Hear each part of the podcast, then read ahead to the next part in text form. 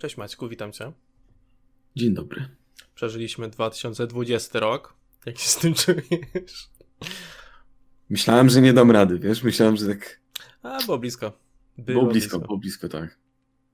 No ale jesteśmy tutaj. E, I dzisiaj rozmawiamy o e, najlepszych filmach 2020 roku. Tak. E, powiem ci, jest to jeden z tych tematów, które ja bardzo lubię. Mhm.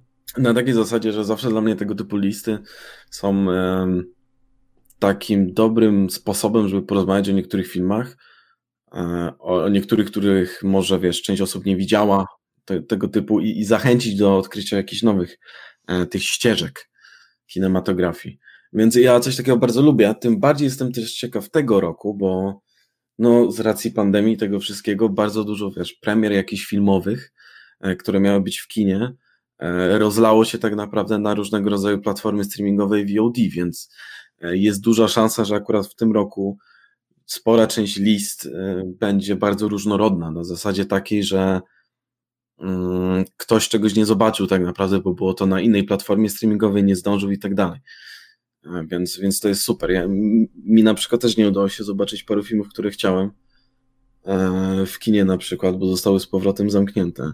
Najbardziej żałuję Posesora, bo to jest syna Cronenberga film i ma bardzo dobre opinie i wszystko, ale już myślę, że poczekam sobie aż, aż wleci na jakiś streaming. Nie? E, ja mam trochę, trochę inną perspektywę na to, w sensie yy, nie lubię robić list. No. no w sensie, e, tak, zacznijmy od tego. E, moja lista jest bardzo subiektywna. E, nie wiem, czy, czy, czy jesteśmy w stanie znaleźć, okej, okay może niektóre z tych filmów rzeczywiście, które znajdą się w topce, y, to będą też takie filmy, które trochę razem doceniliśmy y, w ramach naszych rozmów. Mhm. Niemniej jednak e, nie lubię klasyfikować rzeczy pod względem tego, które są lepsze, a które są gorsze. Nie mam pojęcia. Mam e, listę filmów. E, każdy z nich e, dla mnie zasługuje na to miejsce na tej liście. Mam jakiś konkretny powód za tym, e, ale uprzedzam, że y, jutro ta lista może wyglądać kompletnie inaczej. E, więc to jest e, jedyny e, raz, kiedy e, ta lista na 2020 wygląda w ten sposób z mojej strony. Mhm. Moja też będzie subiektywna oczywiście. Mo może nie, nie, nie aż tak jak twoja, ale myślę, że w ogóle w przypadku tworzenia jakichś list i, i różnego rodzaju właśnie takich topek, to ciężko jest znaleźć ten obiektywny współczynnik, powiedzmy. Jasne, pod względem na przykład, wiesz, technicznej warstwy e, filmu, czy jakiejś scenariuszowej, może ja mogę więcej rzeczy wyłapać, e, no ale jednak to też jest kwestia, kwestia mniej więcej tego, co z tobą zarezonuje. E, ważna rzecz, o czym powinniśmy wspomnieć, myślę, maksymalna górna granica pozycji na liście jest 10, ale nie ma wymogu, żeby było ich konkretnie tyle. Mhm żeby nie wpychać na siłę jakichś filmów, które zdaniem mnie czy, czy ciebie no nie, nie powinny być na tej liście. Mhm. E, I są to filmy, które polską premierę miały od 1 stycznia do 31 grudnia 2020 roku. Tak, więc e... no ja filmów mam 7. E... Mhm. 7 filmów, które szczerze jakby byłem w stanie wrzucić. E... Były premiery, e, nad którymi się trochę dłużej zastanawiałem, ale wydaje mi się, że wrzuciłbym je głównie dlatego, że mm, ktoś e, stwierdził, że ten film był dobry, albo ktoś mi go polecił w jakiejś tam formie, czy widziałem, jak ten film został przyjęty, ale osobiście nie był dla mnie aż tak przyjemnym w oglądaniu. Mm -hmm. i, i, I dla mnie nie jest po prostu tym. E, więc co? E, może przejdziemy od razu i, i, i, zaczniemy od pierwszych tych trzech pozycji, które. E, mm, no, które w zasadzie, e, w zasadzie są twoje. E, no i może zobaczymy. Tak, ja mam 10. Tak, tak. E, dobra, ja jeszcze tylko chciałem parę tylko takich wyróżnień powiedzmy Ala, czyli miejsc, no które no... Poczekaj, to może, może te wyróżnienia zostawimy na e, e, gdzieś tam przed pierwszą pozycją albo przed pierwszą trójką. Dobra, dobra, jasne. No to od razu. E, miejsce dziesiąte, Diabeł Wcielony. Mm. To jest film, który omawialiśmy szerzej na podcaście, więc odsyłamy bardzo serdecznie tam tak w dużym skrócie, z, z jakiego powodu znaleźć się na tej liście, to dlatego, że jest to film, który jest taki ponury, bardzo ciężki, trochę pesymistyczny. Taka mroczna opowieść, ale bardzo dobrze przedstawiona. Ma ona taką strukturę antologii, gdzie tym czynnikiem łączącym jest ta postać Toma Hollanda. Moim zdaniem jest to super przeprowadzone w tym. Jest y, świetne aktorsko. E, opowieść, która nie jest ani czarna, ani biała, tylko właśnie taka szara. Opowiada trochę o tym, że ten podział między dobrem a złem tak naprawdę może się przenikać, albo czasem, e, że to dobro musi używać tych samych sztuczek y, jak zło, żeby, żeby móc w ogóle z nim walczyć. E, no i ma przepiękne, surowe zdjęcia, zrobione zresztą przez, przez Polaka, ze świetnym kontrastem, e, dużą skalą szarości i bardzo ładne ujęcie z drona. Na miejscu dziewiątym mam e, Gentlemani. Jest to najnowszy film Gaja Ritchiego i bardzo byłem go ciekawy, jak, jak szedłem do kina, ponieważ no, Guy miał troszkę tendencję spadkową ostatnio, mianowicie miał tego Alladyna, który był całkowicie bezpłciowy, jak się tylko dało. I szczerze mówiąc, smutno mi się go oglądało, wiedząc, kto stoi za kamerą. I ten król Artur nieszczęsny, który był troszkę taką batalią ze studiem. Oczywiście te, te rzeczy, które tak udało się trochę tam uratować Richiemu, były super, ale, ale cały film jednak mocno nie domagał. Mm, więc tutaj mamy powrót właśnie Richiego w wielkim stylu. Wraca też tak trochę do swoich korzeni, czyli do tego zanurzenia się w tych takich mrocznych zaułkach Londynu, w tej całej mafii, która tam występuje. Mamy niesamowicie barwnych bohaterów, świetnie zagranych, absolutnie cudownie, każdy z nich. Mam wrażenie w ogóle, że Hugh Grant ma tam e, największy ubaw, jaki miał kiedykolwiek na planie.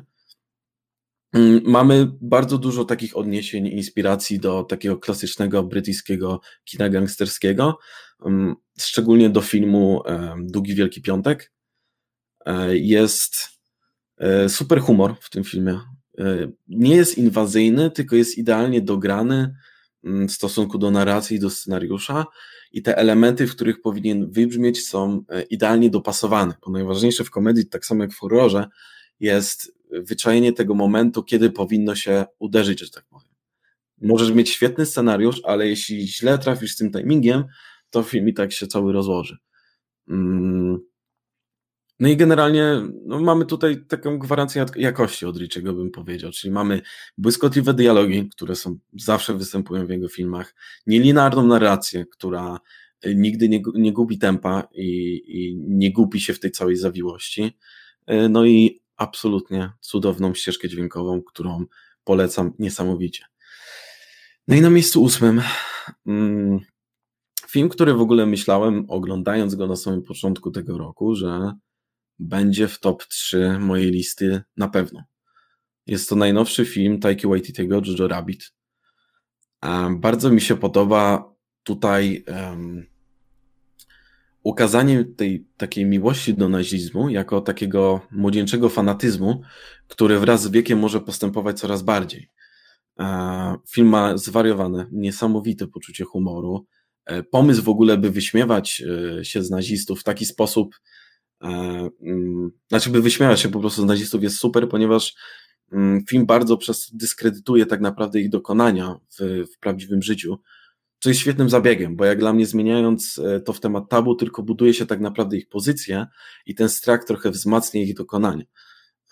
I o tym już wiedział nawet Charlie Chaplin, kiedy parodiował Hitlera już w latach tak naprawdę 40. Um, mm. Więc tak, więc ten, ten taki momentami nawet głupawy, jak z jakiejś kreskówki humor, e, ukazuje tak naprawdę, ma bardzo silnie podkreślać niedorzeczność tych ideologii generalnie.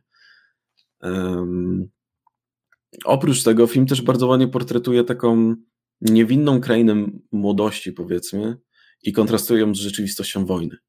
Jest tam bardzo dużo scen, które, które właśnie przemawiają za tym. No a tak poza tym jest super sceny realizacyjnej, czyli e, kwestie e, kostiumów, kompozycja kadrów, wykorzystanie niektórych e, actual, że tak powiem, fotos z, z na przykład jakichś filmów propagandowych i miksowanie ich z tym, co, co Taika robi na ekranie. No jest super. No gdybym miał tak podsumować, to jest to po prostu taka chwytająca za serce opowieść o, o dojrzewaniu w czasach wojennych. No, powiem Ci, że ten Jojo Rabbit chyba jest, to jest jeden z tych filmów, które wrzuciłem sobie na listę filmy, które muszę nadrobić. Yy, mhm. kiedy jakby przeglądałem po prostu wszystkie premiery z tego roku, no bo to jest film, na który czekałem rzeczywiście, ale gdzieś po prostu tam e, przy tych wszystkich premierach i przy różnych rzeczach gdzieś tam uciekł mi. E, i Dobra. No. szczerze powiem Ci, że to, co, to, co zresztą powiedziałeś przed chwilą, dosyć, dosyć jeszcze bardziej zachęca mnie do obejrzenia go.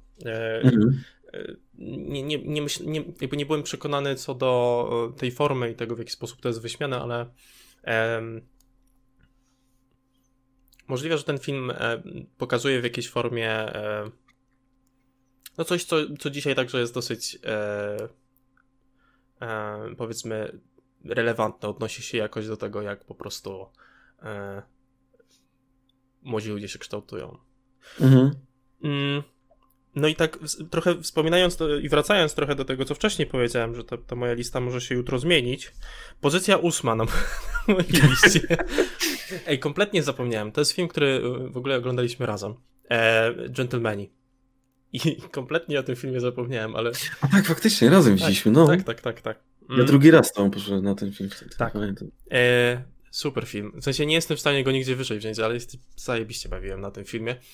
E, I to, co powiedziałeś, e, fabuła, która jest taka dosyć nieliniowa, aczkolwiek e, jest tam trochę retrospekcji, wracania do wcześniejszych elementów.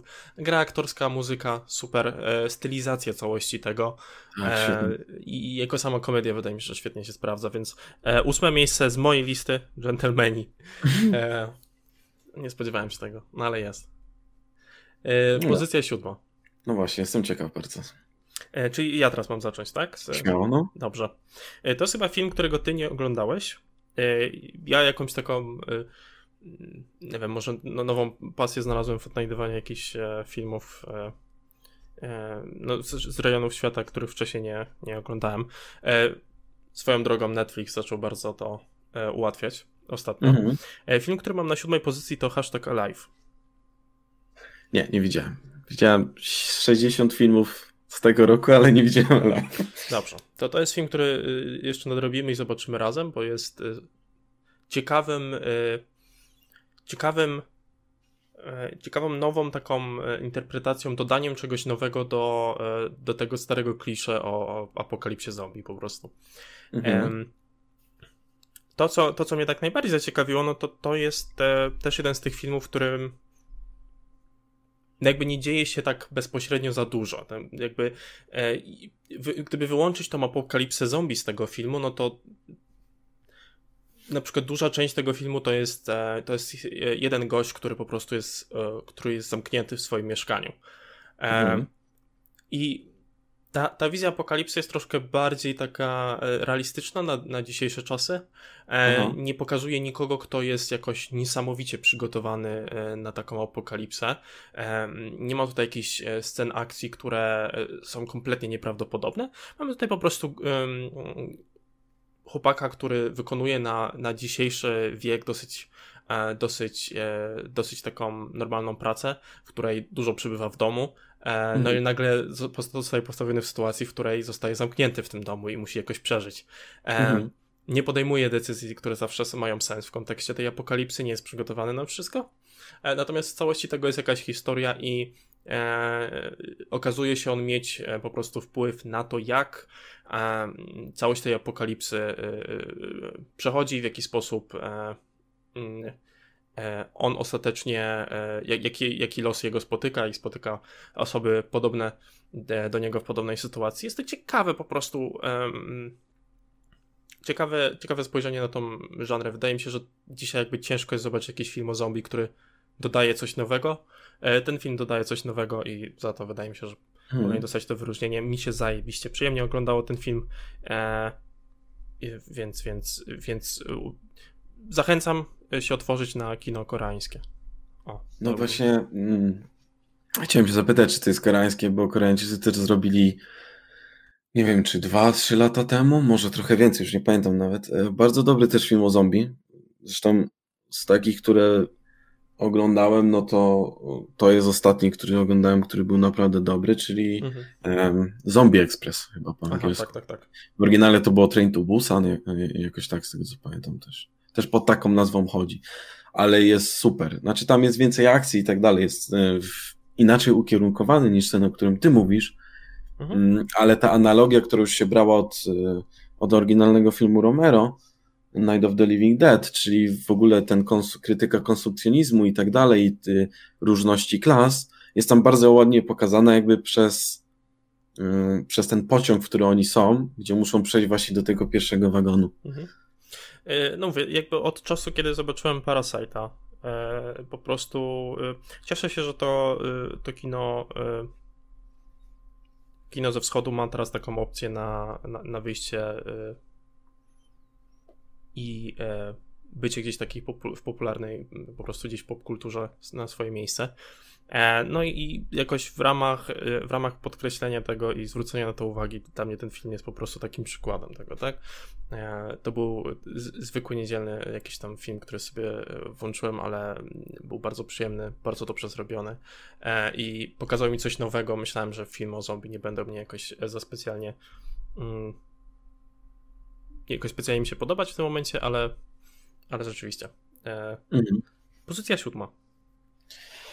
Saint Mode to jest chyba ostatni film, jakim udało mi się obejrzeć e, w październiku, z tego co pamiętam, zanim zamknięto kina znowu. A jest to film, na który bardzo czekałem, bo jest to film studia A24, który generalnie nie ma ani jednego złego filmu. Może jakiś pierwszy, który produkowali, ale tak to nie mają ani jednego złego filmu. E, to studio odpowiada za bardzo dużo takiego, powiedziałbym, troszkę mm, takiego y, artystycznego kina amerykańskiego, mniejszego. Z tego studia wypoczkowało na przykład e, również The Witch Roberta Eggersa czy Midsommar Ariego Astera. Oba absolutnie świetne filmy, polecam. E, więc tak, Saint Maud. Mamy tutaj generalnie narrację e, przez cały film prowadzoną ze strony protagonistki, która budzi w sobie taki podskórny niepokój za każdym razem, kiedy pojawia się na ekranie, a jednocześnie przemawia przez nią taka niewinność, bo film skupia się przede wszystkim na tym, żeby w dużej mierze ukazać życie duchowe bohaterki. Ona jest bardzo oddana religijnie e, Bogu. E, jej życie e, ziemskie, no nie poświęcamy jemu zbyt dużo czasu. Jest ono podawane tak naprawdę w takich odłamkach, które podczas filmu musimy sobie sami poskładać, żeby, żeby tak naprawdę wiedzieć, jak mniej więcej wygląda. To, co jest fajne akurat w tej narracji, to to, że kiedy, e, kiedy je poskładamy, e, te, te odłamki, to mamy tak naprawdę do czynienia z bardzo samotną postacią, która nie mogąc sobie poradzić ze swoimi własnymi problemami, czy, czy ze swoją traumą, która miała miejsce E, związane z jakimś wydarzeniem, które miało miejsce kiedyś, ucieka tak naprawdę w tą stronę wiary. I w stronie tej, tej wiary takiej bardzo, bardzo skrajnej próbuje znaleźć swoje odkupienie. Mm, więc e, oczywiście prowadzące do bardzo negatywnych, powiedzmy, konsekwencji, bo, bo mamy tutaj do czynienia z horrorem i z ukazaniem takiej ciemnej strony skrajności, bo nie chodzi tutaj tylko o wiarę chrześcijańską, akurat obrana jest ta, ponieważ wiele osób po prostu może w jakiś sposób się z tym utożsamiać, powiedzmy, mm, ale zwłaszcza, zwłaszcza w Europie Zachodniej chociażby, ale, ale mamy tutaj po prostu y, film stara się powiedzieć, do czego może doprowadzić e, skrajność i radykalizm w jakiejkolwiek wierze, e, tak naprawdę. Więc y, mamy tutaj właśnie ten taki um, proces, takie celowe odizolowanie bohaterki w tym filmie od innych postaci. Nie chodzi o to, że ona dosłownie przebywa wszędzie sama, tylko chodzi o to, że nie mamy tutaj do czynienia za specjalnie z jej konfrontacją, czy z ukazaniem jej relacji z innymi postaciami. Ona jest bardziej jakby bierna w tym wszystkim. E, głównie jest to, jest to zrobione po to tak naprawdę, żeby film stał się jeszcze taki gęstszy, żeby, e, żeby ten klimat był jeszcze bardziej odczuwalny, E, po to, by, by to uczucie popadania bohaterki tak naprawdę w schizofrenię, czy, czy, czy, czy szaleństwo tak naprawdę, e, było dla nas jeszcze bardziej widoczne. Mm, co daje świetny payoff w samej końcówce filmu, której może nie będę spoilerować, bo jest naprawdę mocna. E, no ale jest to jeden z tych naprawdę oryginalnych horrorów ostatnich lat, które śmiało można postawić właśnie wśród, y, czy to Get Out, czy, czy Midsommar, czy, y, czy Babadook, czy The Witch, czy The Lighthouse, czyli generalnie oryginalny pomysł, który nie ucieka w żadne utarte klisze gatunku. Super, no to jest też kolejny film, którego nie oglądałem. Powiem ci, że jak zacząłeś o nim opowiadać, to, to gdzieś tam miałem takie przeczucie, że to nie jest film, który mi się spodoba. Pod koniec tego mnie zaciekawiłeś. Mhm. Ale dobrze. Znaczy, mam wrażenie, że to jest film, który mi się pewnie nie spodobał. Ale dobrze. E... No można odrzucić sporą część osób. No, kwestia kina też artystycznego trochę. No, no ale... Mhm. Ale warto sprawdzić moim zdaniem. Zgadzam się co do, e, tak od razu sobie zobaczyłem przy okazji jakiejś sceny z filmu i e, jakąś e, taką okładkę tytułową, co nie? Mhm. Mm, no i tak, ta, jestem w stanie sobie wyobrazić, że ta, ta, ta główna postać, bohaterka tego, tego filmu daje jakieś takie, czy sprawia jakieś takie wrażenie, że ktoś się czuje niekomfortowy, bo się czuje niekomfortowy, jak patrzę na te zdjęcia po prostu, więc... Tak, tak, no. Okej. Okay. E, szósta pozycja. E, w moim wypadku e, jakby poszedłem w stronę no, wyróżnienia jakiegoś filmu, który dla mnie był taką, takim, takim, takim fajnym, e, przygodowym flikiem, który sobie zobaczyłem, mm, w którym było trochę akcji, ale też no nie wiem, zaciekawił mnie jakoś trochę bardziej. E, mm. I tym filmem jest Enola Holmes. Mm.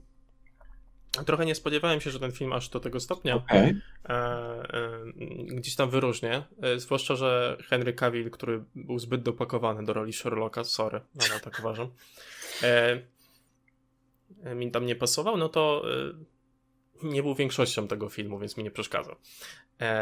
natomiast sama postać Enoli była super. Fajnie był zrobiony ten film. Podoba mi się trochę odwrócenie jakby tej roli dwóch głównych postaci. E, to jest tak naprawdę Anola, która e, ratuje e, tutaj tego chłopaka. Mm.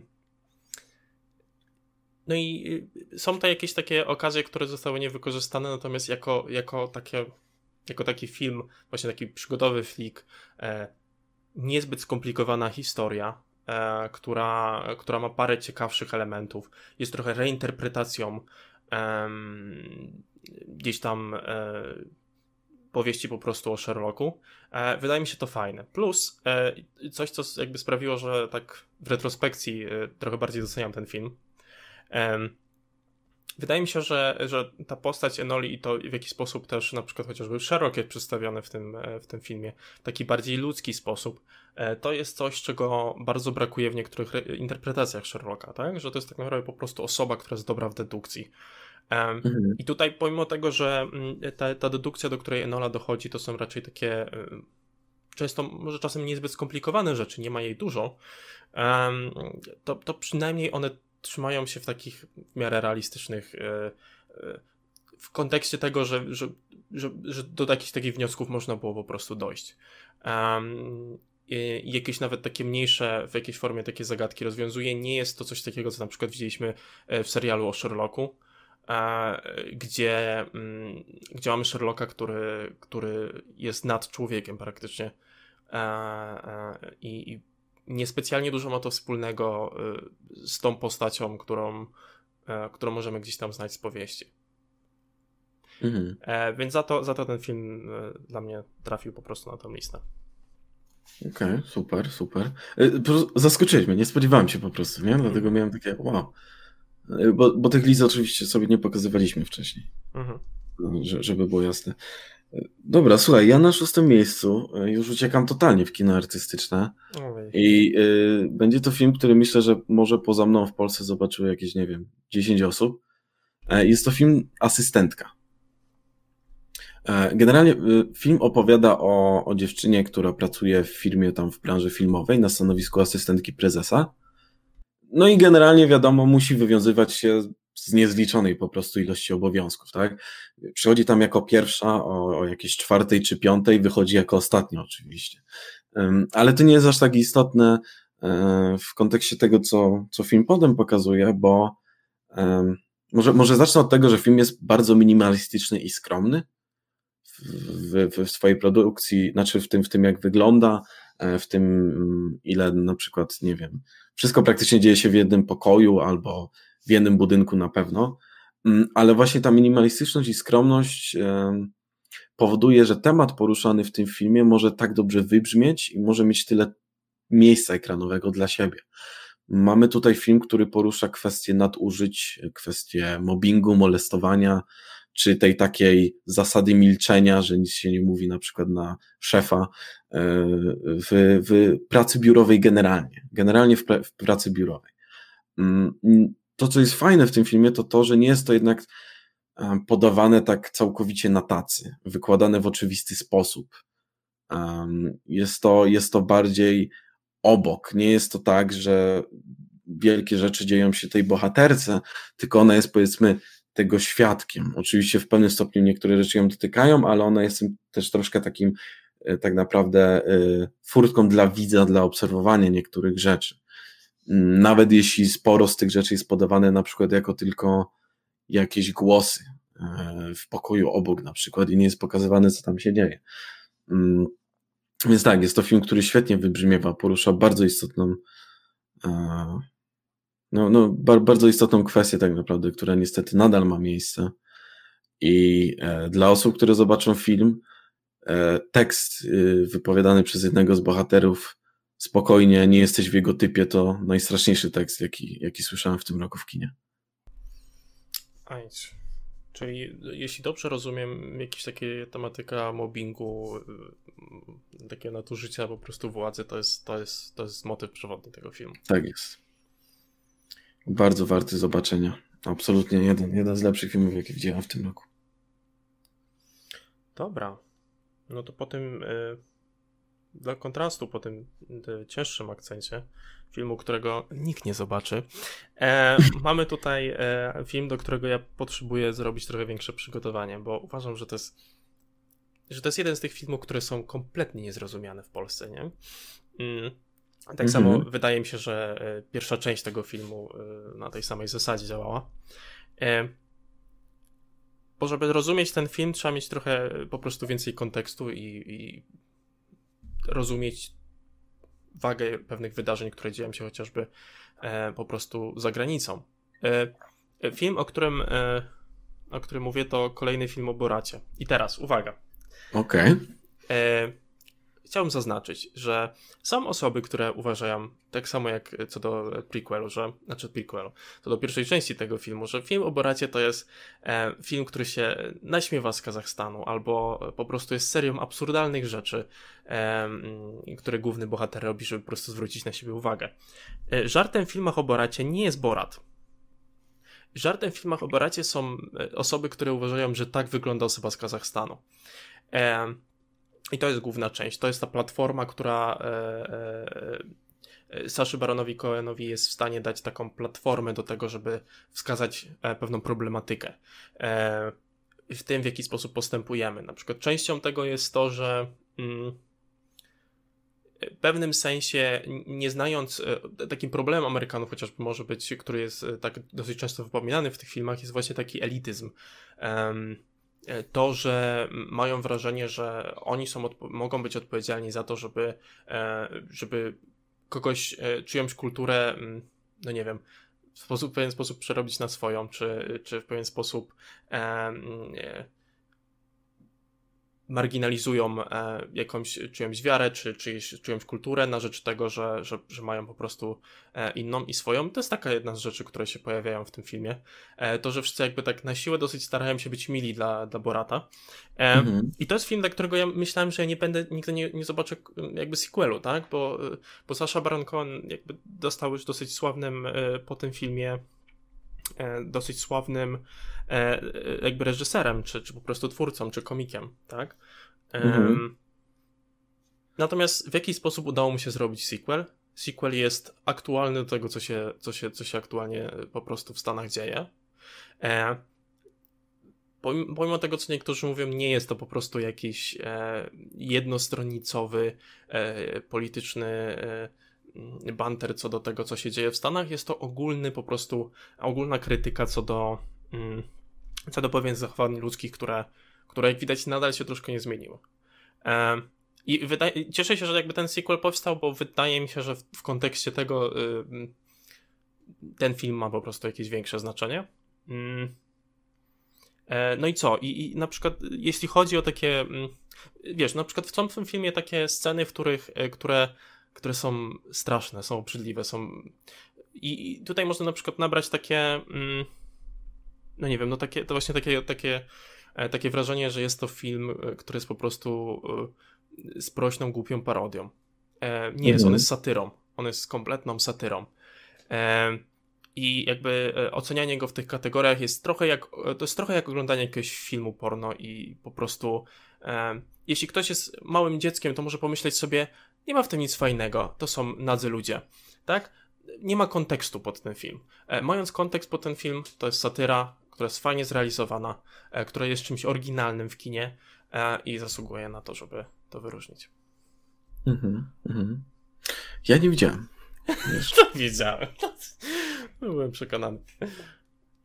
Nie, no jeszcze nie widziałem autentycznie jakoś. E, wiedziałem, że wychodzi, ale to jest też problem z tymi, kurde, wiesz, brakiem tych premier kinowych, takich trochę bardziej huczniejszych po prostu że gdzieś to znika czasem w tych streamingach i, i potem człowiek zapomina na przykład.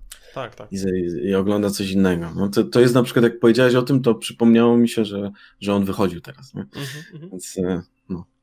Mm, dobra, super. Moje, moje, moje miejsce piąte.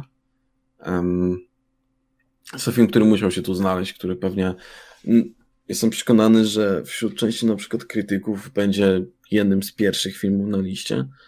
E, tego typu, to są e, Uncut Gems, nieoszlifowane diamenty. E, film braci Savdi, generalnie polecam sp sprawdzić ich jeszcze wcześniejsze filmy, Heaven Knows What i Good Time, Good Time zwłaszcza z wybitną rolą Roberta Pattinsona. Uncut Gems to jest film, o którym bardzo dużo się mówiło, bardzo duża część publiki i, i też część krytyków oburzyła się, że został on pominięty tak naprawdę całkowicie w Oscarach pomimo tego, że Adam Sandler zgarnął czy Złotego Globa, czy, czy Palmy, już nie pamiętam za, za właśnie rolę pierwszoplanową. Jest to film niezwykle męczący. Wiem, że pewnie e, źle go sprzedaje teraz, ale jest to film, który powoduje, że autentycznie człowiek może poczuć się wycieńczony po tym seansie. Głównie dlatego, że obserwujemy tutaj bohatera, który żyje tak naprawdę wiecznie w stresie. E, cały czas pracuje e, i stopniowo wpada w coraz większe kłopoty. Mm, on pracuje w, tej, w tym dystrykcie diamentowym w Nowym Jorku. I tam cały czas jest ruch, cały czas coś się dzieje. E, dlatego, dlatego ten film potrafi być właśnie tak męczący. Co więcej, żaden z bohaterów tak naprawdę nie jest tutaj skonstruowany tak, byśmy z nimi sympatyzowali tak naprawdę. Mamy przede wszystkim obserwować to takie właśnie duszne życie handlarza diamentami. Sam właśnie dystrykt diamentowy, zresztą tak samo jak cały Nowy Jork, jest tutaj świetnie sportretowany. Generalnie ta część Nowego Jorku robi tutaj za bohatera tak naprawdę. Miasto w tym filmie oddycha, żyje, funkcjonuje, zmienia się e, i jest ukazane tak jak w naprawdę małej ilości produkcji naprawdę super sportretowane y, miasto, które odgrywa tutaj bardzo dużą rolę, zwłaszcza w kontekście e, zaciskania się po prostu e, jakby rąk na szyi właśnie głównego bohatera, bo, bo on tutaj tak naprawdę z, z jednego kłopotu wpada w jeszcze większy, żeby rozwiązać ten wcześniejszy i wiemy, że to do nikon nie doprowadzi, po prostu cały czas obserwujemy to. Jak on żyje w tym stresie, jak on próbuje cały czas, cały czas pakuje się większe głupoty i ty to śledzisz i po prostu ciężko aż się to ogląda przez to momentami. Dlatego jest to właśnie wycieńczający se, e, mhm. seans. taka kula śnieżna konsekwencji tego. Tak, tak. Um, ale bardzo satysfakcjonujący przy tym. Um, więc y, a propos tej kuli śnieżnej, mamy tutaj właśnie taką narrację w, w stylu eskalacja napięcia, taki wyścig z czasem, ale jednocześnie e, bracia Savdi tutaj czasem bawią się z widzem, bo mamy tutaj przy tej narracji jednocześnie do czynienia z nagłymi zmianami tempa czy zmianami tonacji, kiedy na przykład bohater po tym, jak został gdzieś zamknięty całkowicie nago, wychodzi i wraca, e, żeby obejrzeć spektakl e, córki, z tego co pamiętam. Mm, więc film jest absolutnie fenomenalny. Bracia Savdi generalnie to są pieprzeni geniusze kina nie mogę się doczekać ich kolejnych projektów, a Adam Sander ma autentycznie tutaj e, rolę życia. Pokazuje, że jest mhm. świetnym aktorem. E, no tak byłem właśnie ciekawy, jak, jak, jak Adam Sander w tej, w tej roli dla ciebie. Niesamowicie, jest naprawdę. Um, no, y, moim zdaniem to jest skam, że, że został całkowicie pominięty w, w rozdaniu Oscarowym, nawet nie, nie dostał nominacji za, za rolę pierwszoplanową. Mhm. Co masz na miejscu czwartym? Miejsce czwarte. E, mały powrót. E, Diabeł wcielony. Mhm, okej. Okay. Jest to y, film z kategorii tych, które mogły mi się nie spodobać. E, czyli e, jest to, jest to film, który wydaje mi się, że jest przyjemniejszy, jeśli kino się rozumie bardziej. Mhm. Mm, ale się podoba mi. I Dlatego kurtyna. kurtyna, czwarte miejsce. Nie, y, jest to fajnie zrealizowany film, który kompletnie utrzymuje klimat i tematyka tego filmu y, jest kompletnie odzorowana w tym, jak ten film wygląda. On wygląda fajnie, y, przykuwa uwagę i, i jest taki koherentny. Jest parę ról, ról w tym filmie, które są dla mnie cudowne. Mhm. Jestem w stanie przeżyć dziwny akcent głównego bohatera kwestią historii, która jest po prostu ciekawa. Mm. I, I, wydaje mi się, że ta historia i to y, i ten aspekt, o którym już trochę mówiłeś, to w jaki sposób ta historia jest opowiedziana, e, sprawia, że, że ten film jest super. Zresztą rozmawialiśmy już o, o Diable Wcielonym, e, mamy dłuższy o tym materiał. E, w mm. retrospekcji uważam, że ten film to jest jeden z lepszych, które po prostu widziałem w tym roku, zasługuje 100% na miejsce czwarte. Mhm. E, i, I dla osób, które jeszcze nie oglądały, nie jest to aż tak pretensjonalny film, jak wam się wydaje. Spróbujcie, zobaczcie. E... Ale nie do obiadku. Nie do obiadku. E... Usiądźcie sobie, jak macie wolną chwilę e... dłuższą, żeby to po prostu przegryźć, e... ale film jest ciekawy. Mhm. Ja na miejscu czwartym mam e, chyba moje największe zaskoczenie tego roku, um, ponieważ e, karty na stół. E, zobaczyłem ten film głównie dlatego, że złapałem e, w którymś momencie crash na jedną aktorkę, która, która grała w serialu Community na Alison Brie. Stwierdziłem, że zobaczę filmografię e, tej aktorki, jakie ma, jakie ma na przykład role. Mm. Więc, więc, więc chciałem sobie właśnie przeczytać tę filmografię i zobaczyłem film Horse Girl. I jest to film, który wziął mnie absolutnie z zaskoczenia, bo nie spodziewałem się po nim wiele. Mm, myślałem po obejrzeniu zwiastunu, że troszkę, e, troszkę tak naprawdę e, ulegnie trochę pod ciężarem specyficznej narracji, którą będzie chciał e, wprowadzić. Mm, ale jednocześnie jest to jeden z tych filmów, o którym lepiej za dużo przed sensem nie wiedzieć. Mamy tutaj autentycznie świetną rolę, właśnie Alison Brie, która gra główną bohaterkę. Sam film, jak trochę wspominałem wcześniej, jest niezwykle enigmatyczny w samej narracji, bym powiedział, i, i sposobu opowiadania obrazem.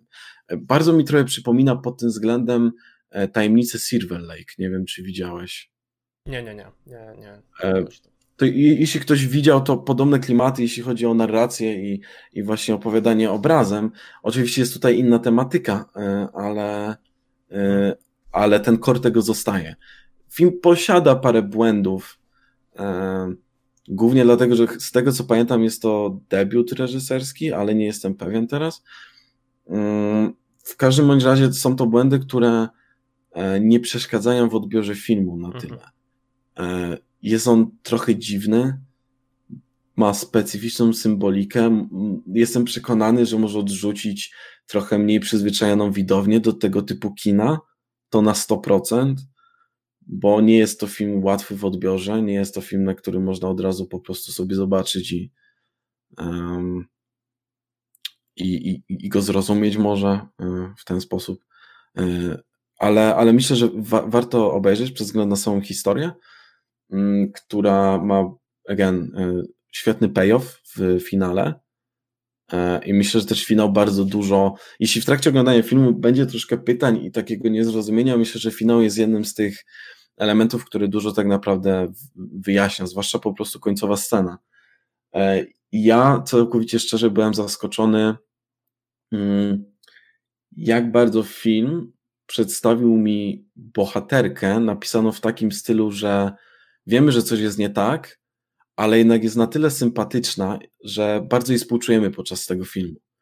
biorąc przez wzgląd na to, co, co po prostu się dzieje i co spotyka tą bohaterkę. E, jest to film, który zaczyna całkiem subtelnie na początku, po to, żeby potem po prostu jechać bez trzymanki, że tak się wyrażę, na pełnej kurwie. E, I, I po prostu, jeśli ktoś na chwilę mrugnie, no to może zostawić widza w tyle. Mm, ale po, po, polecam sprawdzić. I Tajemnice Silver Lake również, bo jest to jeden z tych filmów, który myślę, że bardzo zero-jedynkowo może być odbierany na zasadzie albo się autentycznie bardzo komuś spodoba, albo bardzo odrzuci. E, to jest tego typu film właśnie. No okej. Okay. W takim razie yy, podziękowania dla Alison Brie. Tak, tak serdecznie dziękuję. za, za super rolę, e, za przybliżenie się tego filmu. E, ja też gdzieś tam po drodze przeszedłem, e, przechodząc sobie przez premiery tego roku, to tak właśnie zauważyłem tą Horse Girl. Pamiętam, że trochę mówiłeś o tym filmie. Mm, niestety jeszcze go nie widziałem. E, no i co, zbliżamy się do, do, do trójki. Mhm. Nie, czyli tutaj się okay. zaczynają takie pozycje, które raczej warto obejrzeć. E... Tak, e, jeszcze wtrącę się tylko na sekundkę. E, czwarte z trzecim na początku miałem trochę inaczej, ostatecznie zmieniłem właśnie odwrotnie, że na czwartym jest Horsger. Mm, ale tak, e, nie, nie, mówiąc jeszcze nic o, o, pozostałych miejscach, to między trzecim a drugim jest spora przepaść, ale między pierwszym a jakimkolwiek innym to jest nieba ziemia jak dla mnie. W sensie pierwszy, film, który jest u mnie na pierwszym miejscu, jest dla mnie niezaprzeczalnie mhm. najlepszy i żaden nie był w stanie mu dorosnąć do mhm. Ja, ja z, pierwszą, z pierwszą pozycją też e, nie miałem problemu akurat. E, zobaczymy, jak to się ten, jak to się skontrastuje. Dobra. E, trzecia pozycja. E, to, co chciałem powiedzieć na starcie, to ja naprawdę nie lubię polskich filmów. W sensie nie, nie mam żadnego problemu z polskimi filmami. E, jest hmm? parę, które są super. E, Boże Ciało chociażby. E, jest, jest fajny film. Tak. E, jak rozpętałem drugą wojnę światową, to jest klasyk. Wabank. No, no, no, no więc jest sporo produkcji, które są, ale może takie, takie, takie klasyczne komedie, e, czy, czy takie komedie, które e, w jakiś sposób są inspirowane amerykańskim kinem E, I są no, po prostu takie komedie romantyczne, nie? Takie... Tak, albo taką Januszową wersją w stylu e, tak. Kacwawa. E... Tak, tak, no. Albo wyjazd integracyjny, coś takiego też było, pamiętam. Tak, 365 dni to jest gniot. E... No, tego roku. Daj Więc... spokój, nie tylko roku. Tak. No. E... Ale w lesie dziś nie zaśnie nikt. To jest film, który mnie kompletnie zaskoczył. Szanuję. Niesamowicie szanuję. E, to jest film, który mnie kompletnie zaskoczył i e, wręcz powiem więcej. E, nie, no, naprawdę nie myślałem, że gdziekolwiek na jakiejkolwiek liście, czy będę wspominał ten film jako jeden z lepszych, które widziałem w tym roku, ale on jest rzeczywiście jednym z lepszych filmów, które widziałem w tym roku. Jest parę małych rzeczy, do których się mogę przyczepić, ale, ale oglądałem ten film z niesamowitym zaciekawieniem. Fajnie było usłyszeć mm, i zobaczyć taki horror i film, w którym rzeczywiście czuć, że e, został on stworzony z jakąś pasją do tego gatunku, w którym, Slash w którym jest. konkretnie. Tak. Mówimy tutaj o slasherze. Tym podgatunku jeszcze horroru tak naprawdę. Mhm. E, e, I zostać zrobiony tak dobrze i być takim omarz dla, dla filmów e, e, dla filmów, które no, były przed nim tak naprawdę. I to jest super uważam, że to jest fajniejsze podejście niż robienie e, słabej kopii e, jakiegoś filmu w stylu Kazwała, prawda?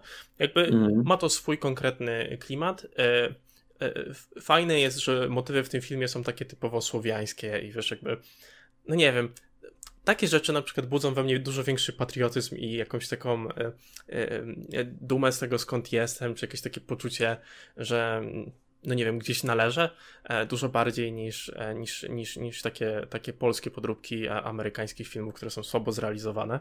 Jak 365 mm. dni, które są to jest gmiotem kompletnym, tego się nie da.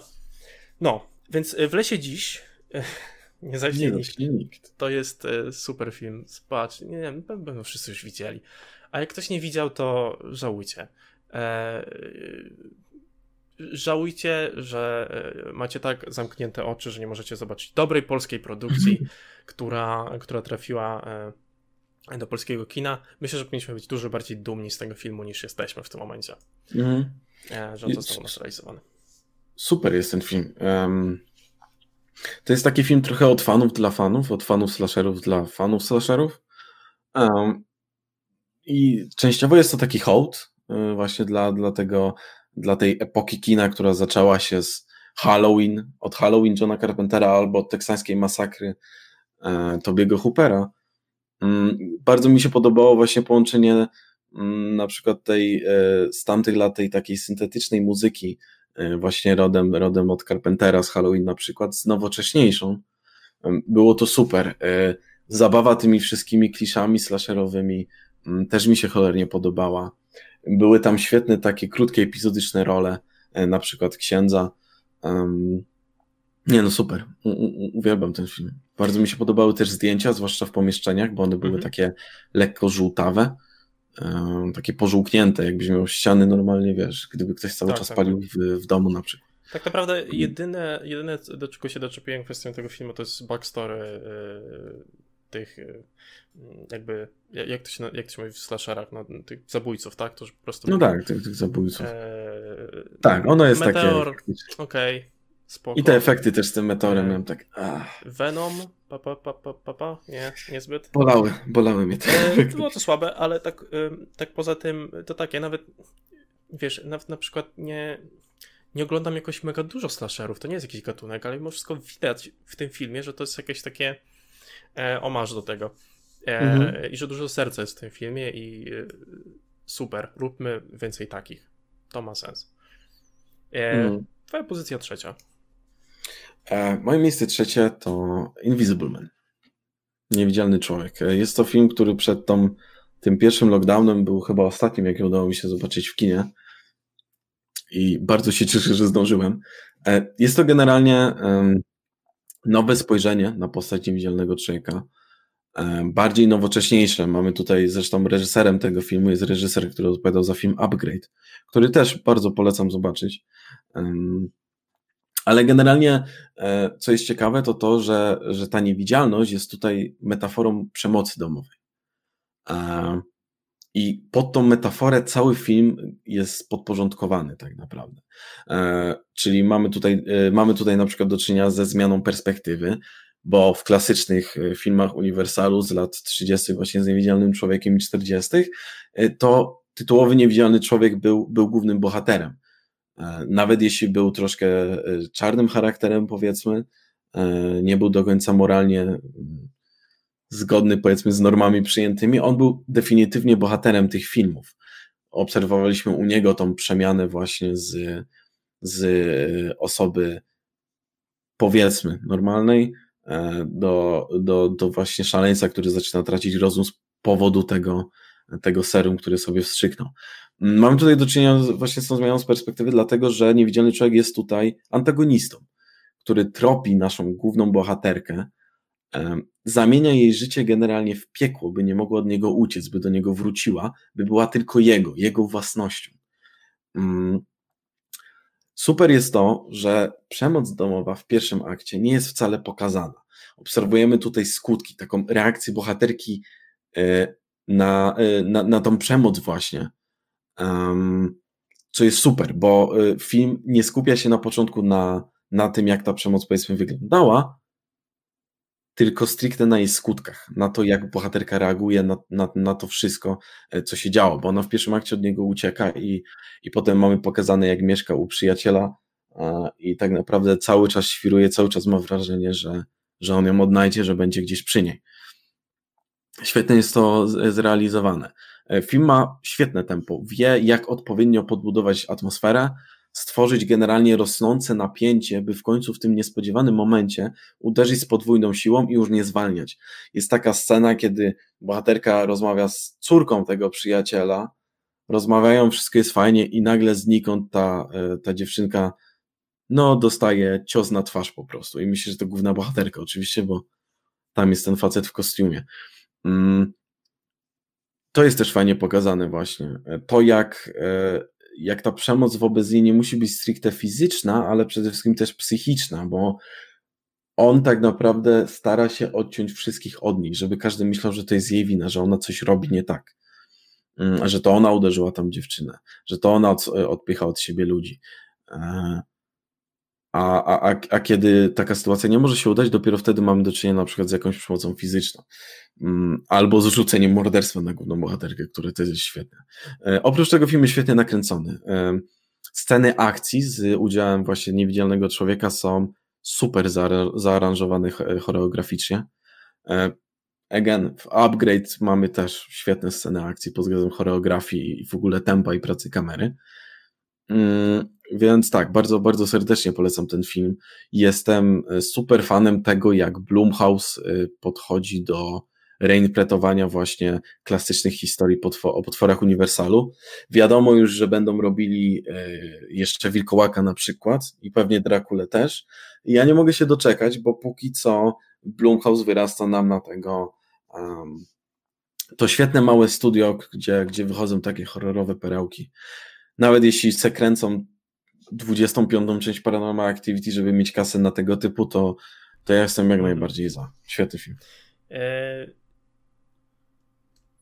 ja tak słowem tylko e, co do tego Invisible Mana, bo to jest film, który też oglądaliśmy razem. Mhm. I to jest film, na którym ja zasnąłem. I teraz, e, z mojej perspektywy, tak. Chciałbym powiedzieć, to nie musi być z powodu tego filmu. Jak byliśmy wcześniej na paru innych filmach, to też to. Ej, tak, zdarza mi się zasnąć na filmie, ale e, powiem, ci, powiem dlaczego akurat zasnąłem na tym filmie. Widzę appeal. E, byłeś w stanie przedstawić mi, co jest dobrego w tym filmie szanuję to, ok? Jakby zostawmy to na tym tym. Rozumiem, dlaczego ten film jest, może być, czy jest postrzegany jako dobry. E, dla mnie najciekawszy ten film był w pierwszej połowie. W sensie e, to, o czym wspomniałeś, ten abuse, e, to w jaki sposób ta, ta osoba była prześladowana.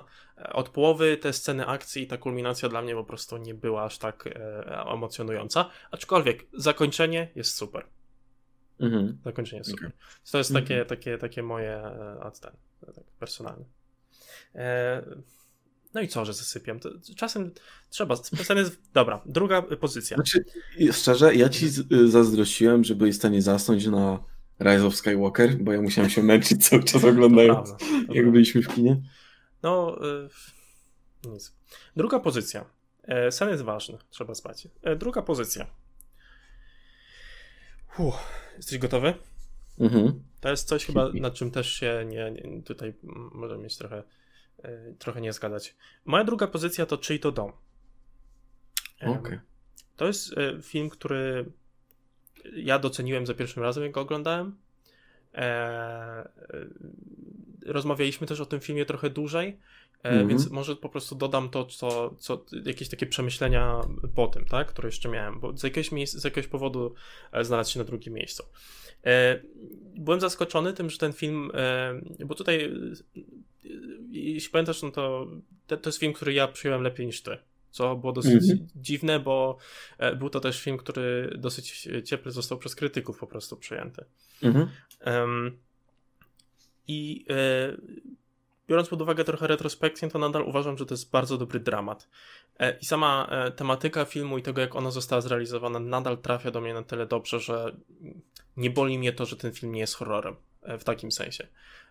Wydaje mi się, że te elementy horroru są jakimś takim dodatkiem, które dodaje taką, to jest taką szczyptą przyprawy po prostu, ale film świetnie pokazuje to, w jaki sposób imigracja, ucieczka przed konsekwencjami, e, e, ucieczka przed no jakby są takie asymilacja, to są takie dosyć ciężkie tematy, o których się dużo mówi, a w tym filmie pokazuje się taką ludzką e, perspektywę tego wszystkiego.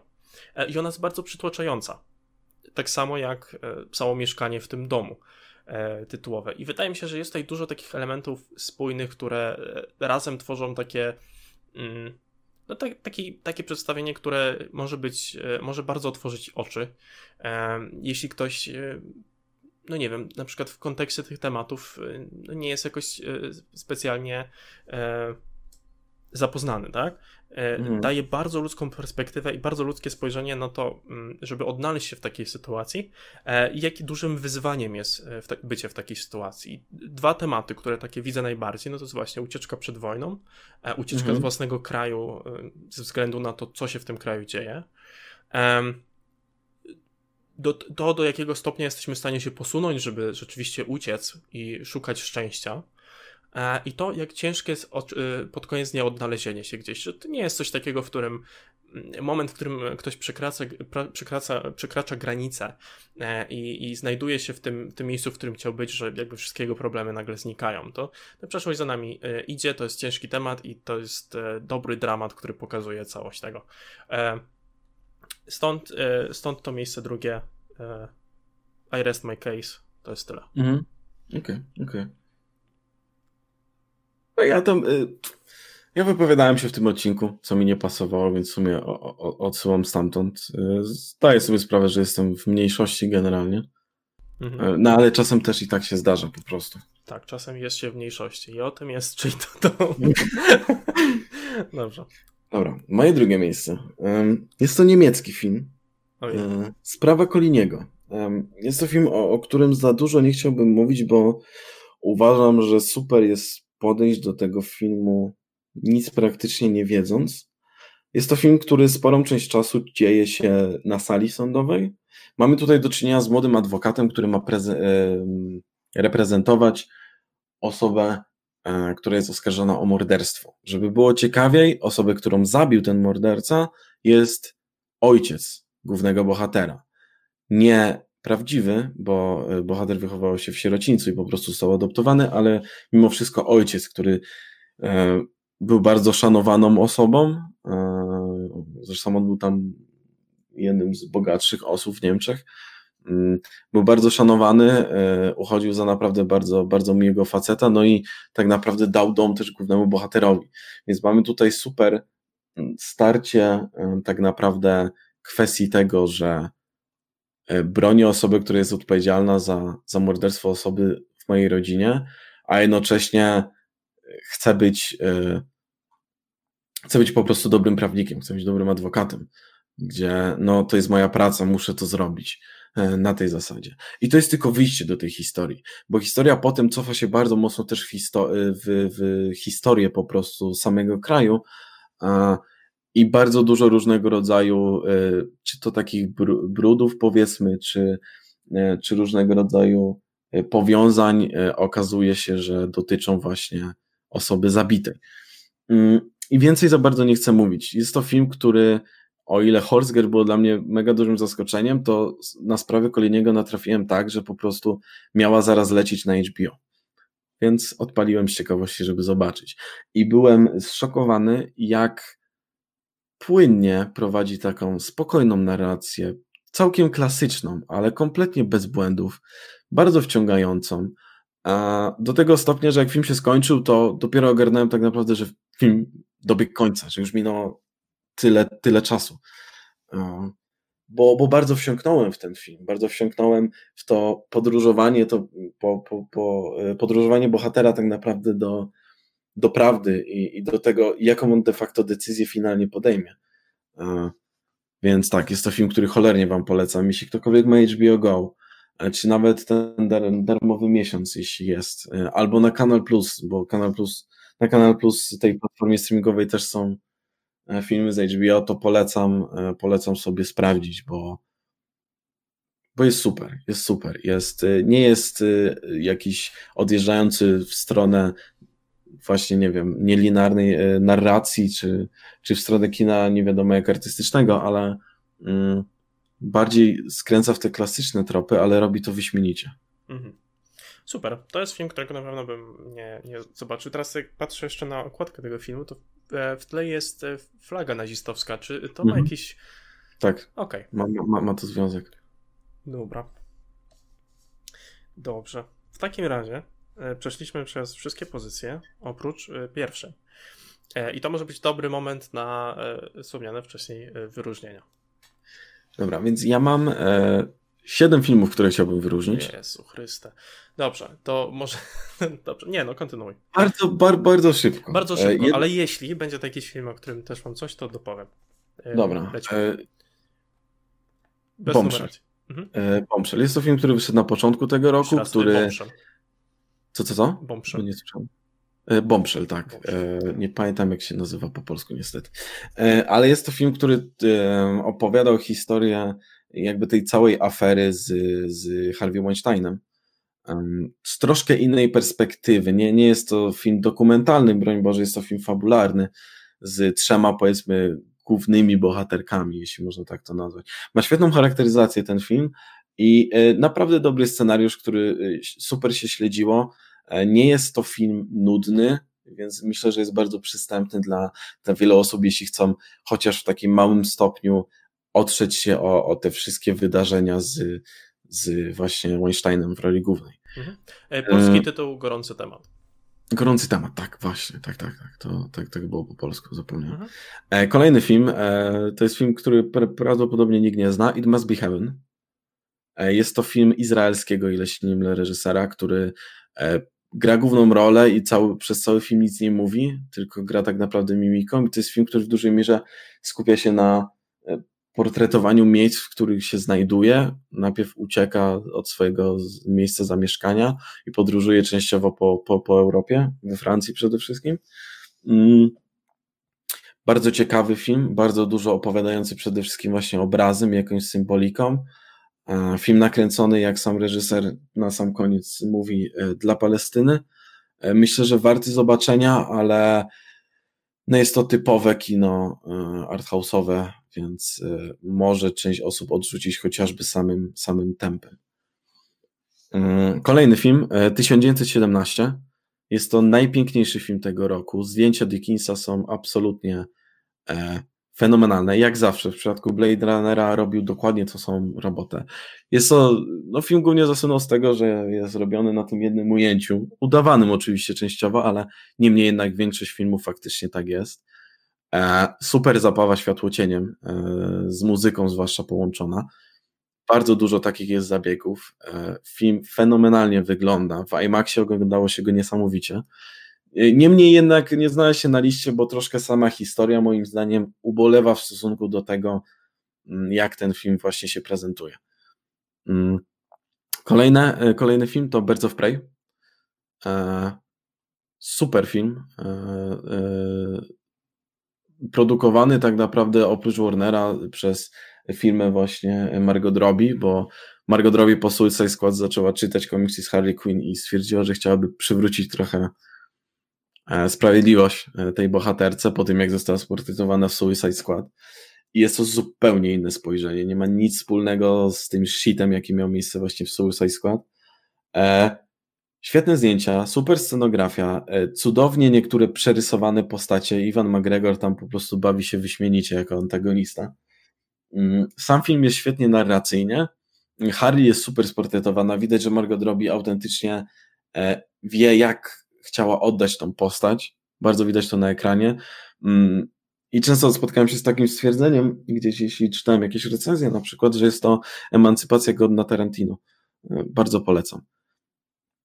E, kolejny film jest Tylko Sprawiedliwość. To jest e, film, który nie wiem, czy miał szeroką dystrybucję. Wiem, ja byłem akurat w styczniu na pokazie dla członków Unlimited, więc nie wiem, czy potem był jakby normalnie też puszczany do kin, czy od razu wyszedł już na VOD ale jest to film traktujący, mm, mm, bazujący na prawdziwej historii prawnika czarnoskórego, który e, w, e, postanawia po prostu bronić niesłusznie skazanych e, więźniów czarnoskórych w kurczę Alabamie chyba z tego co pamiętam. E, gdzie tam generalnie e, tak, Alabama, rasizm. Alabama. Alabama właśnie, gdzie generalnie rasizm tam jest na, na porządku dziennym, zwłaszcza był.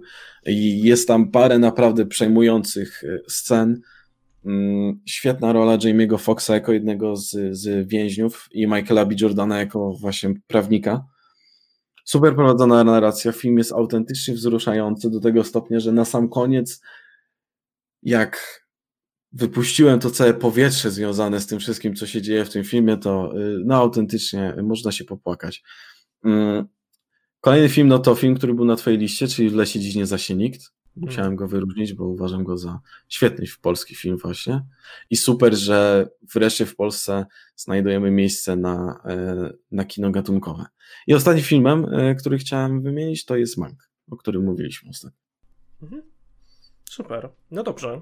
E, rzeczywiście kilka pozycji tak się, tak się minęło. No, Birds of Prey to jest film, którego żałuję, że nie zapyszyłem. I myślę, że też go szybko nadrobię. Mm. No i co, zbliżamy się do pierwszej pozycji. Mhm. Ja mam taką propozycję, ja rzucę, rzucę od razu tytuł, natomiast jeśli, jeśli jakimś trafem, w co wątpię, ale może, a jeśli jakimś trafem jest to też film, który tu umieściłeś na pierwszym miejscu, to, to po prostu mi przerwi, dobra? Mhm. Film, który dla mnie trafił na pierwsze miejsce, to jest film, e, który obejrzałem z polecenia, którego w innym wypadku na pewno nie zobaczył. E, natomiast jest to e, film, który w odróżnieniu do chociażby takich e, bardzo pretensjonalnych filmów Nolana, e, rzeczywiście ma jakiś głębszy przekaz i historię, ciekawą historię, którą chcę opowiadać. Opowiadał ją w ciekawy sposób, którego ja na co dzień nie widzę w większości filmów, które oglądam. I, I sprawia, że może taka e, trochę bardziej e, arthouse'owa część kina, która jest takim kinem dla kina, którego, które z reguły do mnie nie trafia jako kompletnego lajka, sprawiła, że było to dla mnie po prostu ciekawe. I film, o którym mówię, to może pora z tym skończyć. Definitywnie jest na moim pierwszym miejscu. Super. Absolutny. Dobrze, teraz sobie pogadajmy o tym. Kompletnie zdeklasował wszystkie inne filmy. E... Dla mnie roku. E, jakby szczerze to mówię, że jakby wydaje mi się, że ten film miał prawo być właśnie takim arthouse'owym e, filmem, który, który po prostu trafiłby do części publiki. Może, może nadal tak jest, może mi się po prostu wydaje, tak? Natomiast mam wrażenie, że sama forma i, e, i to, jak ten film został zrealizowany, sprawia, że, że on jest nadal przystępny, że to jest nadal film, który warto jest obejrzeć, e, nieważne jak, jak bardzo dużym czy, czy, czy, czy niewielkim jest miłośnikiem kina. E, I, I nadal można docenić wszystkie te, te elementy, które, które są w tym filmie e, tak zrealizowane. Jest e, taki kompletnie nietuzinkowy, historia za tym jest ciekawa. Nie jest to film z gimmickiem tylko po to, żeby ten gimmick tam był. Mhm. Wracamy do Tenet i filmów Nolana. E, tutaj, tutaj motyw jest jakby częścią tej historii. To jest jakby to jest film, który ogląda się raz, on nie będzie miał sequelu. To jest jedna historia konkretna, która została opowiedziana, zamknięta w tym. E, to jest film, do którego można wracać, który można e, interpretować na różne sposoby. E, który mówi dużo więcej i zostawia dużo więcej niż te, e, te dwie godziny, które się, e, które się ten film ogląda. I stąd wydaje mi się, że jest to po prostu dobrze zrealizowany film. Jestem natomiast zdziwiony, że oboje rzuciliśmy go na pierwsze miejsce, e, więc jakbyś mógł tutaj e, dopełnić, jeśli jest coś, o czym ja nie powiedziałem. Zdziwiony, że, że, że ja dałem na pierwszym? Nie, jestem zdziwiony, że się tak zgadzamy kwestią tego. A, akurat. w tym sensie. No to jest ciekawe pod tym względem faktycznie. Znaczy wiesz, ja jestem sporym fanem Charlie'ego Kaufmana i jako scenarzysty i jako już również reżysera.